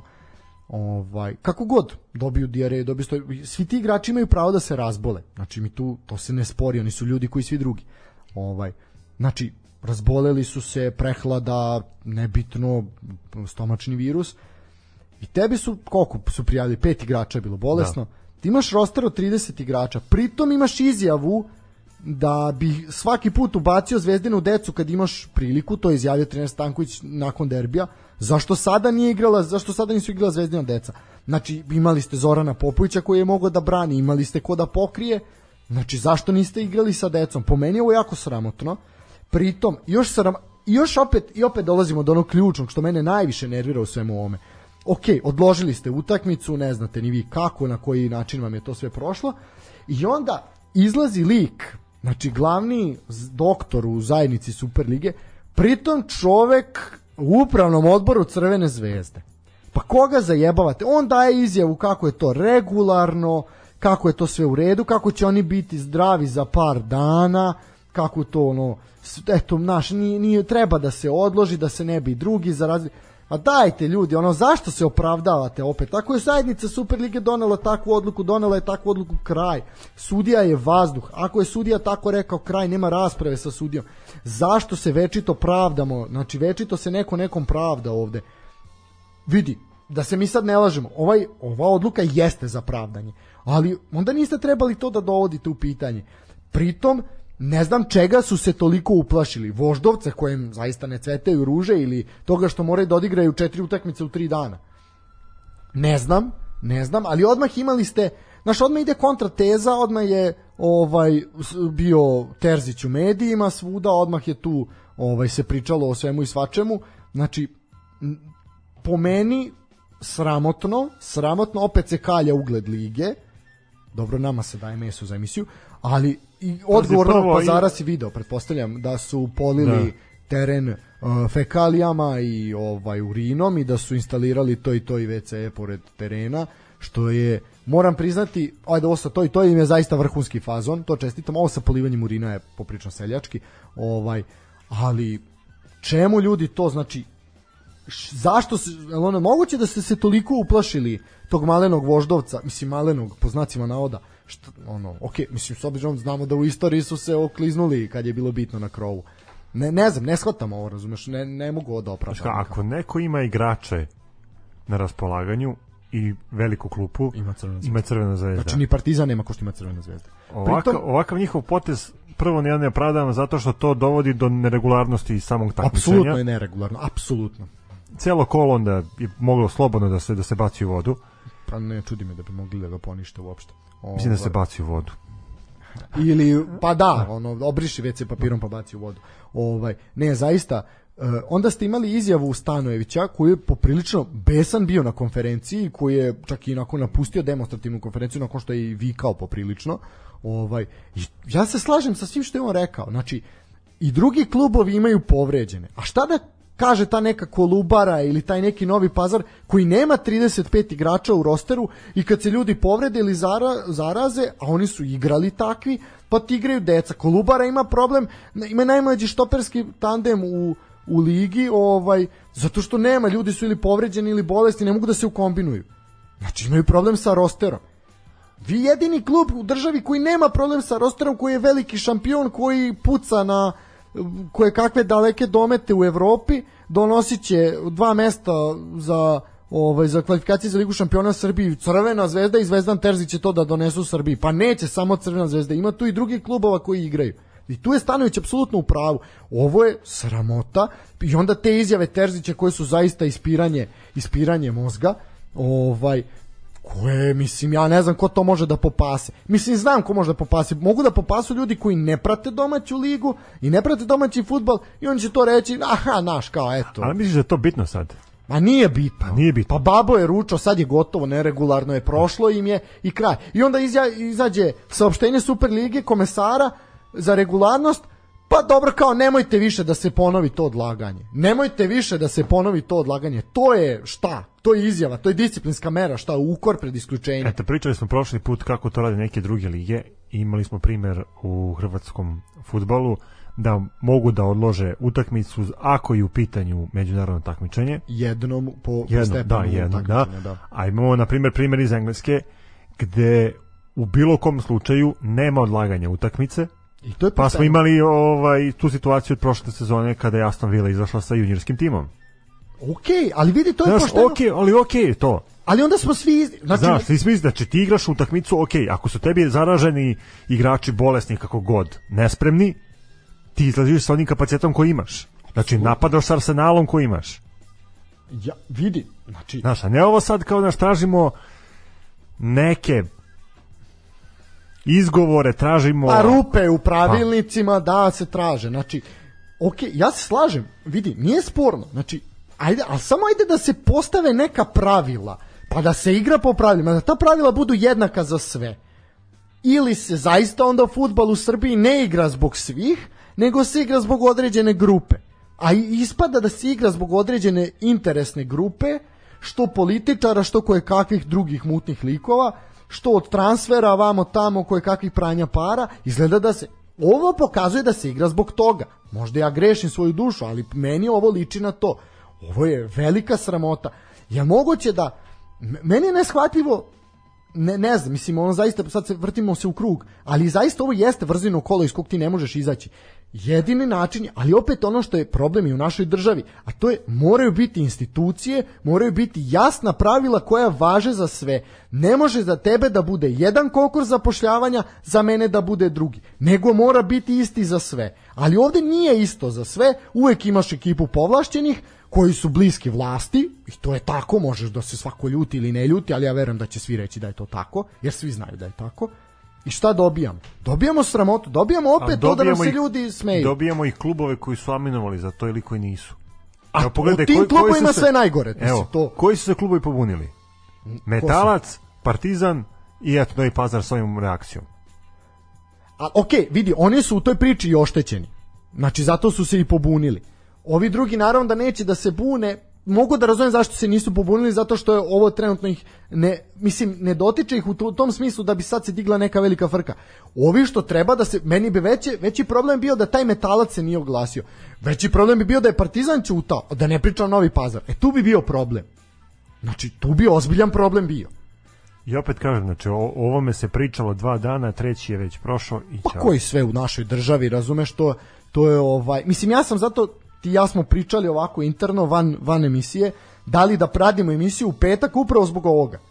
I možda je bolje, ali vidiš da smo i ovako izgoreli, šta bi bilo da smo tad bili. Znači, pogotovo nakon konferencije Stanojevića. Sad sam i ja malo izgoreo kao i on. Po meni, velika sramota, ovo ne sme da se radi, ako, kako mi očekujemo da mi budemo deseta, eki, deseta liga po kvalitetu, mi zbog proliva odlažemo utakmice. No ne može. Pritom nemaš termin kada ih odigraš. Ima sad sam video radnički iz Niša će sad odigrati svoju zaostalu utakmicu sa metalcem. Druga stvar, zaraženo ti je 10 igrača, od tih 10 5 se pojavi u Novom pazaru. Igraju kao popizdeli, kao Duracell Zeka na baterijama. Trče ne mogu da ih stignu, kad smo kod toga možemo početi da analiziramo meč u Novom pazaru. Ljudi su ih satrali u prvi 30 minuta. Tri šuta u okvir 20. Tri šuta u okvir gola, tri gola. Dragović ostaje sam na petercu, čovjek nije ni skočio dao go. Fantastičan udarac Kataja, tu nema šta, 14. minut slobodan udarac, tu nema priče više. Sa nogo ga je zatego, ima čovjek butinu ko Blak, Baka Slišković, jebi ga i kad udari normalno da ono će ubiti svakoga, mislim tu i ovako ga za umesar. Tako da je tu 2-0 već bilo lagano. Dion je posle ovaj... Eto, upisao se konačno. A upisao se, pritom je provašio prvo penal pa je onda dao. Znači, Novi Pazar nije pokazao ništa. Meni je bilo simpatično što je Kenan Kolašinac u jednom momentu kad su primili drugi go rekao, alo devojke, hoćemo početi da igramo. Jel to je tako izgledalo? Izašli su kao popišani. A mislim, pazi fazona. Ili posrani. Ili posrani. Pa tako su izgledali. Kao da su se oni usrali, a ne ovi. Znači, po meni, vrlo, vrlo sramotno i ja se iskreno nadam da se ovo neće ponavljati u našem futbalu, jer Kako očekujemo da budemo deseta liga po kvalitetu u Evropi kad radimo ovakve stvari? Mi hoćemo dva predstavnika u Ligi šampiona. Ma mi nismo za profesionalni futbal po ovome.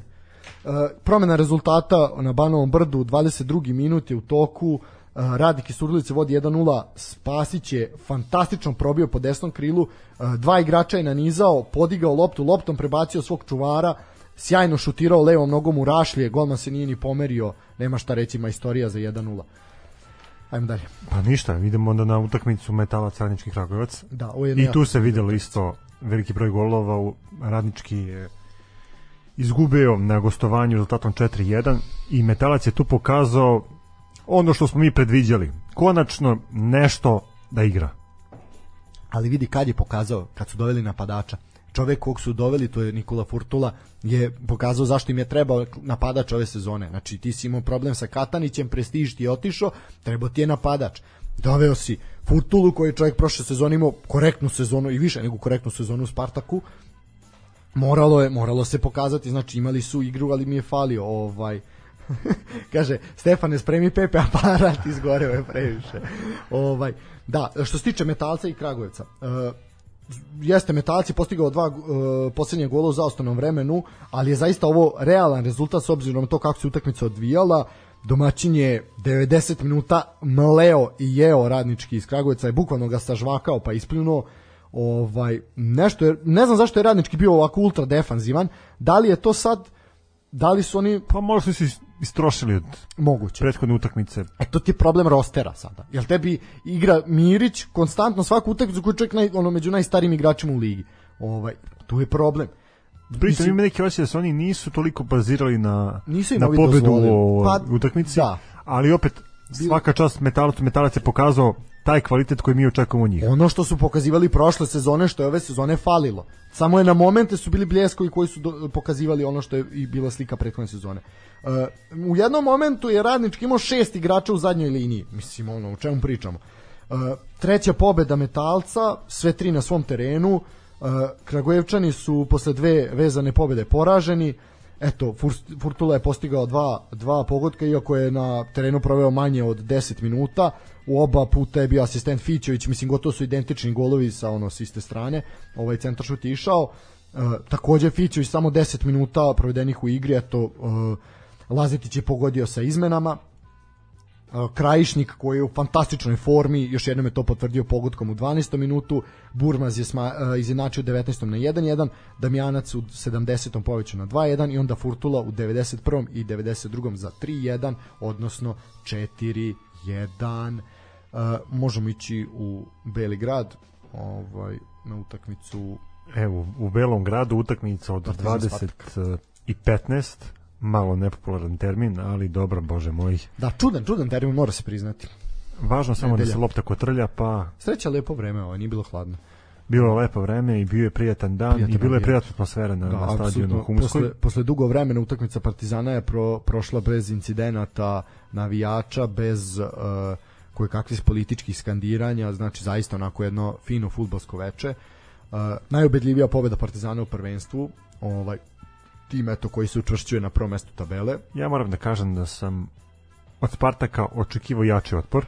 Vidi, oni ali se jesu pitanje, držali. Pitanje je samo koliko su oni mogli da pružu u datom trenutku. Tako je, oni se jesu Partizan zaista je stvarno držali. sinoć jako dobro igrao. Ma vidi, pa ona sa je bilo, pit, i samo je bilo pitanje kada će prvi gol pasti. Eto, taj prvi gol desio se odmah u 14. 14. minutu. Ricardo je na jedan spektakularan način pa da, uspeo da je sve na kraju je ovaj predriblao i golmana i postigao postigao zaista. samo je trebao sebe da predribla da, i da, da. I onda nakon došao do gol linije onako zategao ovaj loptu u mrežu. Uh, Šta misliš ajde ovako da, da se možda našalimo. Ok, lepo je to uradio, došao do, do toga da, da je sam bio ispred gola, nema nikog. Uh, da li je možda eto zbog tog do te siline udarca možda mogao da sudija pokaže žuti karton? Ne, ne, to se ne, to se ne radi. Mogu je samo sebe da povredi. To je jedino što je mogu da uradi. Ovaj, ne, mislim, to nema. Čak i da se ono sagnuo pa ubacio glavom ne bi mu pokazao rutika. Mislim, da je seo na loptu pa na pa, pa da, da, guzom, da, i to nije, nije. Ne. Uh, jedna jako bitna stvar. Spartak jeste odolevao, e, primili su taj prvi gol u 14. minutu i onda su se zaista držali do 45. kad je Terzić postigao pogodak za 2-0. Uh, ono što je bitno reći na ovoj uh, utakmici uh, igrači Partizana su putili 26 udaraca, od toga 16 u okvir gola ja sam konstantno komentarisao Spartak ima koliko, koliko udaraca, dva? Uh, da, ovaj, pa da, nije, Mislim da nije toliko dva. ni bitno. Poenta moje priče je Miša Dubljanić na golu Spartaka, koji je čovjek poskidao sve živo što je moguće skinuti. Znači, da nije bilo njega na golu, bilo bi 10-0 lagano. Znači, primio je pet komada, ok, kod mnogih nije zaista mnogo ništa, ovaj, ali je iskinuo, znači, pa vidi, 16 udaraca okvir gola, znači pritom su svi bili poprilično oprezni. Znači mislim da je uradio u prvom poluvremenu smo mu izbrojali ja mislim pet parada ovaj što je poprilično impresivno. Čovjek je, ima izuzetne fizičke predispozicije, bude dobar golman i mi mu to svakako svakako i želimo. Uh, ajde kratko samo dok ne nastavimo priču o Partizanu i Spartaku, postignut je pogodak na Banovom brdu nakon kornera je uh, lopta prosleđena znači u peterac, čovjek je s peterca spustio glavom na drugu stativu gde je Asmir Kajević bio nečuvan i postigao pogodak za 1-1. Ova utakmica je zanimljiva i to zbog toga što se Dušan Đorđević vraća na Banovo brdo, eto posle samo par nedelja nakon što je podne ostavku, eto sa svojim novim timom gostuje, gostuje svom bivšem bivšem klubu. Što se tiče uh, Partizana, uh, drugo poluvreme drugo poluvreme Menig fantastičan, zaista sjajan, sjajan pogodak Meniga i onda je Ricardo ponovo na sličan način kao i prvi gol postigao, podigao rezultat na 4-0, to je bio 64 minut, tu je i izmenjen da bi onda ušli eto sveže oporavljeni Dača Pantić i uh, Filip Holender, gde je eto Filip Holender u 90. minutu postavio konačan rezultat 5-0.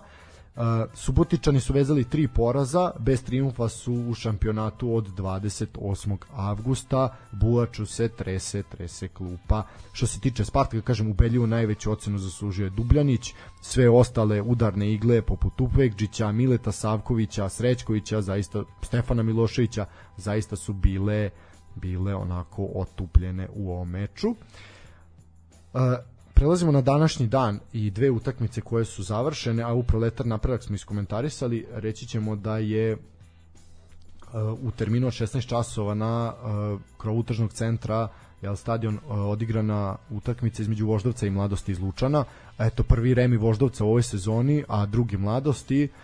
Gosti su zaista imali lepu šansu i poveli su nakon golom Zorana Danoskog koji je iskoristio nevjerojatan kik sa odbrane gde je tu pokušana vraćena, da bude vraćena lopta golmanu, čovjek je presekao, ovaj, ljudi su poveli imao je Danovski još jedan postignut pogodak, ali zbog offside od nekih 30 cm je taj pogodak poništen, mada se zaista sjajno snašao onako u skoku u stilu karate kida je reagovao, ali eto šteta bio je u offside-u. Uh, Zmajevi su zaista u drugom poluvremenu pokazali mnogo bolju igru, uspeli su da izbegnu poraz. Uh, Alen Mašović je nakon što je ovaj ušao u igru, eto prvi gol povratnika ovaj Voždovac, svakako jedan od ikona tog kluba u skori u ovom skorijem periodu. Uh, postigao pogled za 1-0, bilo je još dosta prilika za potpuni preokret, dva puta je čak i Vujnović jednom šutirao i izlazili su sami na golmana mladosti, ali eto, on je bio siguran na golu i uspeo da sačuva bod za Lučance, bitan bod u borbi za opstanak.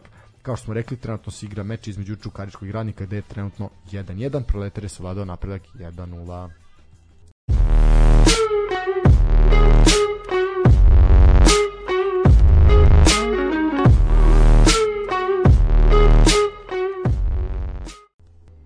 Idemo dalje, vraćamo se u program.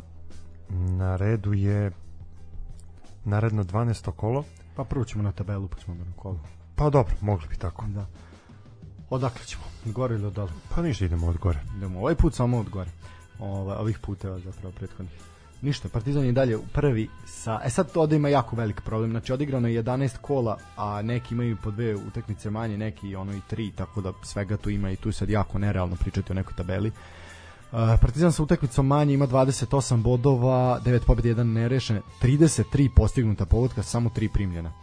Prvi su na tabeli, Crvena zvezda je druga sa dve utakmice manje, 23 boda, Uh, TSC iz Bačke Topole sa utakmicom manje e, treći, napredak je četvrti sa 18 bodova i sa svim odigranim utakmicama, znači jedina ekipa u prvih šest koja ima sve odigrane utakmice. Čukarički dve utakmice manje, mada eto, ovaj, jednu će sad odigrati u ovom terminu. Ovaj, dok mi pričamo, 17 bodova peti su, šesta je Vojvodina sa utakmica manje 15 bodova, Rajnički iz Kragujevca ima sve utakmice odigrane 14 bodova, Osmi je Voždovac utakmicom manje 13 bodova, Radnički iz Niša je deveti, takođe su utakmicom manje 12 bodova, Spartak Subotica sve utakmice 12 bodova, Metalac 9 odigranih utakmice 11 bodova, Proleter sve utakmice 11 bodova, Kolubara 13 sa 10 bodova iz 11 utakmica, Radnik iz Surdulice je 14 sa 8 odigranih utakmica, kao što rekao, igraju trenutno, 9 skupljenih bodova, Novi Pazar 15. iz 10 utakmica samo 7 bodova i Mladost iz Lučana ubedljivo poslednja sa 5 bodova iz 10 utakmica. E sad, što se tiče narednog 12. kola... E, on kreće već za vikend. Ali pre toga imamo zostalu utakmicu u četvrtak 30. septembra će radnički iz Niša od 16.30 odigrati za ostalu utakmicu iz prethodnog kola koji su trebali da odigraju protiv Metalca. Znači u 16.30 radnički Niš dočekuje Metalac iz Gornjeg Milanovca. Šta je tvoja predikcija tog meča? Pa ne znam, ajte prvo. Toza je stavio x2. Toza nam je poslao njegove tipove. Znači Toza je stavio x2 na ovom meču. Ja bih se složio da će ovde biti 3 plus. Pa ne znam, sva ne znam. Ma ne biti čista dvojka. Čista dvojka, dobro. E, sad, znači, zato 12. kola startuje u petak. Tako, 12. kola da, otvara petak. radnički iz Kragujevca protiv Kolubare. Da, ovaj, u 15 časova. Fantastično. Petak 15 časova. Bravo. Bravo za termin. Dobro, šta ti tipuješ? Toza je napisao čist keca. Isto. Dobro. E, gol, gol. Dobro, naredna utakmica igra se u subotu. Igraju TSC i Čukarički. E, da, to je to, to je to ono čemu smo, čemu smo pričali. Čukarički dolazi... Uh, je, ćete ponovo ići? Ja neću biti sprečen, nažalost, ali bih jako voleo da to, da to gledam. Uh, Mislim da će ova utakmica biti mnogo zanimljivija od te prethodne koju TSC igra sa Vojvodinom. Definitivno, definitivno. I tu definitivno očekujem veći broj golova, pa ajde nek bude 3+. Plus. Ovaj, dobro, TSC ti kažeš 3+. Plus. Uh, pa ja ću staviti ja ću staviti gol gol znači bojice tipujemo golove naredna od, utakmica da 18 od 18 časova radnik proleter uh, da is dobra aj prvo radnik proleter uh, u Surdulici Toza je stavio dvojku. Ja ću 1x. Mm, dobro, Surdulica prodaje 1x. Ja ću staviti isto gol gol. Ja tipujem na golove. Evo, isto do 18 časova Da, igraju Subotica. Spartak i Voždovac. Možda to će biti zanimljiva utakmica. Toza je prognozirao pobedu domaćina. Pa obzirom da se Spartak nalazi stvarno u nezavidnoj situaciji Problemu, i da da. su već tri utakmice za redom poprilično u minusu kada su u pitanju bodovi. I ja bi tipovao na, na pobedu Spartaka. Ja opet stavljam gol gol. Morao da će biti gol, ovo kolo će biti zaista golova. E, Dobro, idemo onda znači u nedelju. Nedelja, Nedelju 18 časova. osa, od 16 časova prvo otvaraju napredak i Partizan. Da li oni igraju... Da, da, pravo si, da, oni igraju 16 časova. E, dobro, što se tog duela tiče, to će biti jako nezgodno u Kruševcu. Partizan se mučio prethodnih godina, znamo da su i titule bile izgubljene tamo, kao i onda kad su osvajane. E, Toza je stavio dvojku. Isto. Dobro, dvojka. Ja ću isto staviti dvojku. A smo hazarderi u pičku. Kao Partizan je gubio bodove tamo, a, kao, dva, čisto dvojka. pa dobro. Pa gubili u Lučanima, pa Pa sad da. nisu gubili. E da, od 18 18 časova uh, mladost Novi Pazar, Aj jo, ja ću ovo biti teško to da je gledam. kec čist po meni. Misliš, to Da, da, zastavio dvojku. Ne da, veruj mi, To čest. za nije normalan. Dobro, Dobro. ti znaš kec. Kec X ću ja staviti. Uh, 20 časova Vojvodina Radnički Niš. Uf. Duel 2 bivša Lalatovićeva klub. To zastavio Keca. Pa ja bi ja stavio 1x. Ja I- stavljam, kaži. Pa ne, uh, Uh, ja stavljam domaćin da je 2 ili više. dobro. I utakmicu Crvena zvezda metala zatvara Zatvaram. ovo kolo. Toza je stavio, samo da vidim šta mi napisao, da stavio Keca čistog na... Ja ću keci 3 plus. Pa, pa to ću i ja staviti. Mislim da je to sasvim jedno realno. Mislim, vjerojatno je 1.15 kvota, ali ajde kao ono. U suštini, to je što se tiče, tiče kola ovaj, najave. Da, to je to. E onda nam sledi reprezentativna pauza. Da. Da, ovaj, onda se tek, tek naredno 13. kolo će se igrati 16. oktobra. Vidjet ćemo da li će još neki timovi odigrati svoje zaostale utakmice u tom periodu, a i bit će poprilično vidjeti zanimljivo kako će uspeti radnički metalac, obzirom da će igrati u tri dana dve utakmice, vidjet ćemo kako će to izgledati. Mada ja tipujem da će metalac pre se zaleteti protiv radničkoga, protiv zvezde šta bude biće.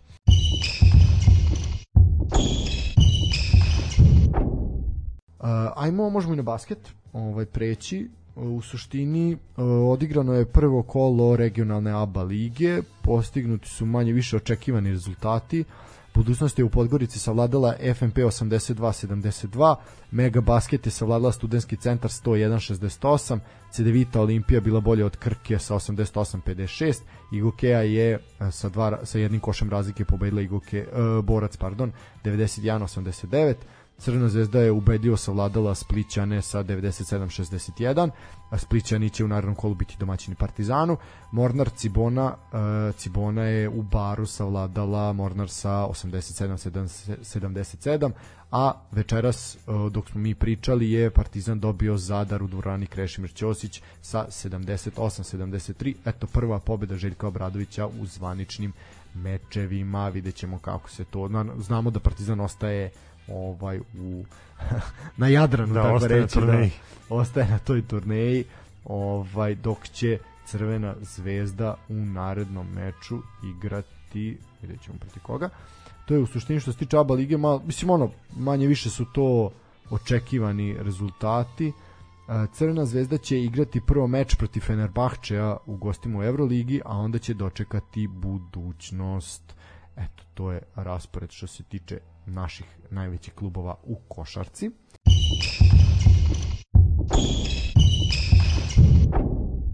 E, odigrano je i drugo kolo Superlige Srbije u rukometu. Kratko ćemo probistriti i te rezultate. Počet ćemo sa grupom A, gde je zaista tesno, kao što smo mi najavili u prošloj ovaj, prošloj epizodi. E, Jugović je na svom terenu odigrao nerešeno sa Novim Pazarom 24-24. E, Obilić je pobedio radnički iz Kragujevca sa e, 24-20. Crvena zvezda je izgubila na svom terenu Dinama iz Pančeva sa 33-27. To moram priznati da je malo ko očekivao. U taboru Crvene zvezde su bili poprilično iznervirani i razočarani. Vojvodina je slavila u velikom derbiju protiv metaloplastike sa 32-26 i ponovo pokazala gde je ko u odnosu na jel, na konkurenciju. na konkurenciju i na te prve pratioce da tako kažemo. To je grupa A, grupa B nije kompletirala svoje drugo kolo pošto Mokra Gora će protiv Šamota odigrati svoju utakmicu u narednim danima. Spartak je izgubio, Subotica je izgubio od Rudara iz Kostovca na ovaj svom terenu sa 35-23. Uh, Dubočica je savladala iz Leskovca savladala Proletar u Zrenjaninu 29-23 i ono što je svakako najšokantniji rezultat ovaj da je Partizan savladao Železničar iz Niša sa 45-13. Znači eto, u prošlom kolu smo imali tu nevjerojatnu pobedu Vojvodine nad Jugovićem. Nad Jugovićem dao 18 razlike. Da, ovo evo sada ovo malo jače bilo. Lestvica je podignuta, definitivno Partizan prvi favorit za osvajanje te B grupe, ovaj, ali naravno ne treba otpisati ni ostale ekipe. To je što se tiče uh, rukometa, poprilično zanimljivo je bilo i u trkačkom svetu gde je vozina trka u Rusiji koja je inače jedna od dosadnijih, ali eto ova je bila poprilično zanimljiva. Dobro, ti si se opario, moram da priznam. Da, da, pogodio sam sve duele vozača, tako da eto, ko zna, zna, šta da vam kažem. Ovaj, mada moram ti priznati da nije mi sve išlo na ruku, uh, ovaj, šta sam igrao da objasnim ljudima? Igrao uh, kladionice ponude uh, ko će biti duele vozača u smislu koji će vozač biti bolje plasirani od kojeg. I uglavnom su to neki koji su ti ono bara bar jedni do drugih. I sve do poslednjeg kruga ja, moji su svi bili kontra. Znači sve ono što se igrao sam duel Luisa Hamiltona u odnosu na ostale trkače, znači će Lewis Hamilton pobediti u trci, igrao sam George Russell, uh, Charles Leclerc, igrao sam na La, Russella, Verstappen u odnosu na Pereza, i igrao sam uh, još jedno, sad ne mogu da se setim šta, još četvrti je bio ovaj a to, mislim da taj četvrti bio još najlaganiji, nije bitno. Ovaj, svi su, sve je bilo, da kažem, poremećeno do poslednjeg kruga gde je ovaj zaista u poslednjem krugu su svi se ispomerali zato što je počeo pljusak nagli ovaj u Sočiju i tu su svi svi se ispomerali i meni doneli eto malu zaradu. Dobro, svaka čast u suštini treba znati i pogoditi. Treba znati nekad i pogoditi. Kako je fudbal ne možemo pogoditi nikada, a toliko o njemu kenjamo. Kako je? Okay, opet kenj. opet jako loši fazoni za, za WC papir i za ovaj proliv, pardon, diareju, što bi rekao Aleksandar Stanević. Eto, posle čudnih vetrova koji duvaju u Subotici, sad imamo i taj proliv, pardon, diareja ovaj, kao, kao izjavu u suštini očekuje nas Evropa, je li tako? Ovaj u četvrtak. Očekuje nas Evropa, očekuje nas eto Liga Evrope. Da, Zvezda ide u Bugarsku. Zvezda ide u Bugarsku, ide u razgrad Ludogorecu, da, bez gostujućih navijača, da. da. Partizan će na svom terenu dočekati Floru iz Stalina. Ono što sam ja video da će oba prenosa opet biti na RTS-u podržavamo tu okay. odluku RTS-a da prati naše da, rečite. S tim da je javni servis Vojvodine, znači RTV je potpisao ugovore sa rukometnim klubom Vojvodina i sa odbojkaškim klubom Vojvodina gde će prenositi njihove mečeve u domaćem prvenstvu na Pa verovatno i evropskim takmičenjima obzirom da su to dva kolektiva koja zavređuju pažnju. Pa da, mislim ali eto to je to je eto opet ćemo imati prilike da gledamo gledamo dobar dobar rukomet i dobru odbojku na javnim servisima. U suštini šta očekujemo od duela Partizana i Crvene zvezde, ajmo to za kraj. Pa ja se nadam da će Zvezda napraviti dobar rezultat u Bugarskoj. Da, videli smo da Borjan neće ići sa ekipom, da će ipak ostati neće na WC igrati protiv svog bivšeg kluba. Da, je to više njegov bivši klub. Pa dobro, ostaće na WC Šolji. Ovaj, a Popović će braniti. Popović iskusan golman, stvarno na jači crvene zvezde ne bi trebalo da brinu kada je u pitanju čuvar mreže i kada je u pitanju uh, sam gol. Ali znate kako, futbol je nepredvidiva igra. Ipak nadamo se da će Zvezda uspeti da lopta je u krugu. Pa da, da će uspeti gađati nečim. Čekaj da se izovem te gađa. Lopta je u krugu. Samo ja pričali ne, ne, o floskulama, jebe. Ne predvidivo. Si siguran da je teren u Bugarskoj ravan? To je veliko pitanje. Pa ako ništa, samo da ne bude pljusak. Oh, da. da se ne kontrira kao u tom tiketu. da, ovaj... Pa šalu na stranu, eto, stvarno, očekujemo od Zvezde uh, dobar rezultat, očekujemo i bodove od Partizana Partizan je favorit u ovoj utakmici protiv Flore, igra na svom terenu, pritom uh, krenuo je dobro grupnu fazu. Molim te, komentar na cenu karata. Pa šta da kažem? Za tri utakmice vi da izdvojite aj koliko je zapad je tako Šest, šest hiljada Za, zapad je šest istok je koliko pet nešto da pa da pet i nešto manje sve samo poprilično da. skupe karte koliko je, pa vidi, toliko je bilo za Manchester. Mislim što je poprilično sramotno. Pa dobro, ako uporedite Ligu Evrope i Ligu konferencija... Da su ti dolazili Manchester United i ajde Astana, koji jeste klub niže kvaliteta, ali ista cena karte kao Flora i, ta, i Stalina, Anortozis i Gent, aj nemojmo da se zajebamo, zaista je, zaista je previše. To su, to su uh, cene paketa, pojedinačne karte su još skuplje gde će se, se prodaju pojedinačne karte. Da, da, da, da, već sad za Floru i Stalina imate pojedinačne karte, biće E, na primjer za taj sektor koji je 6000 dinara, to je istok, e, istok centar ili već koji, ovaj je 2000 dinara, što je zaista previše. Mislim da je to jako puno. I zapravo istok bočno je 2000, ovaj je 2500, ovaj skupi. Još jedno pitanje. Pa da tim završimo kad smo kod cene karata i svega. Zašto je, ako je istok bočno jednako kao zapad bočno, a sever je jednako jug, uvek cena karte je ista? Kako je moguće da istok centar nije isto što i zapad centar? Kako to? A isto je. Nije natkriveno, ajde, na Karadžođu je zapad natkriven, pa kao ajde skuplja cena. Kako ovde nije ista cena? Pa, znaš kako sad, jedno što mi pada na pamet ovako, kad se mi postavi ovako pitanje, ad hoc, je to da su tebi igrači ispred, između ostalog, kada dolazi, e, kada se izlazi iz tunela, igrači se predstavljaju zapadu, a ne istoku to može jedno da mi bude razlog zašto, a i između ostalog na zapadnoj uh, tribini se nalaze lože, pa možda to te lože pa dobro, dodatno utiču na nacionalnu karatu. Ali imaš na lož, lože, imaš i vamo, jebi ga nisi. Pa ne, to su ist, mislim, strane, dve strane da. medalje. Da, mislim, ne, to, to mi malo nije, moram priznati, nije jasno ovaj u čemu je tu tačno ne znam ja sam dao sam neko banalno objašnjenje da. Mislim, ali ono što bi meni možda zvučilo kao neko objašnjenje koje bi moglo da utiče zašto je zapad skuplji od istoga. Da. Znaš, kao igrači su tu ispred, možeš da vidiš igrače, možeš da im dolikneš, da. možeš da ih gađaš, možeš svašta da im, da Možeš radiš, i da im aplaudiraš. Pa da možeš slika sa njima, dok su ti ovde malo dalje, jednostavno nije u mogućnosti da ti tu uradiš isto sa druge tribine. Dobro, ovaj, hoćemo najaviti narednu epizodu? Pa naravno, najavit ćemo narednu epizodu. Naredna epizoda nas čeka u petak i to će biti specijal epizoda, imaćemo jednog jako zanimljivog gosta, a i to ćemo da najavimo na društvenim mrežama, pa nas vi pratite čisto da vidite da, o kome se radi. Samo da kažem, ja neću biti prisutan, ovaj, ostavljam ga jedan na jedan sa njegovim gostom, tako da neka mu je svevišnji u pomoći. Nek ti Mohanđi pomogne ovde, ovaj, drži ga pored sebe. Zato sam ja večeras bio onako malo po strani, pustio tebe da se ispričaš, moja će biti u petak. Šalo na stranu ovaj, stvarno, eto, očekujemo dobrog gosta i očekujemo da imate svašta da čujete kada je u pitanju futbal, muzika, između ostalog i subkultura. Da, da, ja se jako radujem tome. Ovaj, žao me što neću biti tu da ugostim tog čoveka koji je zaista hodajuća enciklopedija. Mi sad igramo sa asocijacije da ko, ko će pogoditi.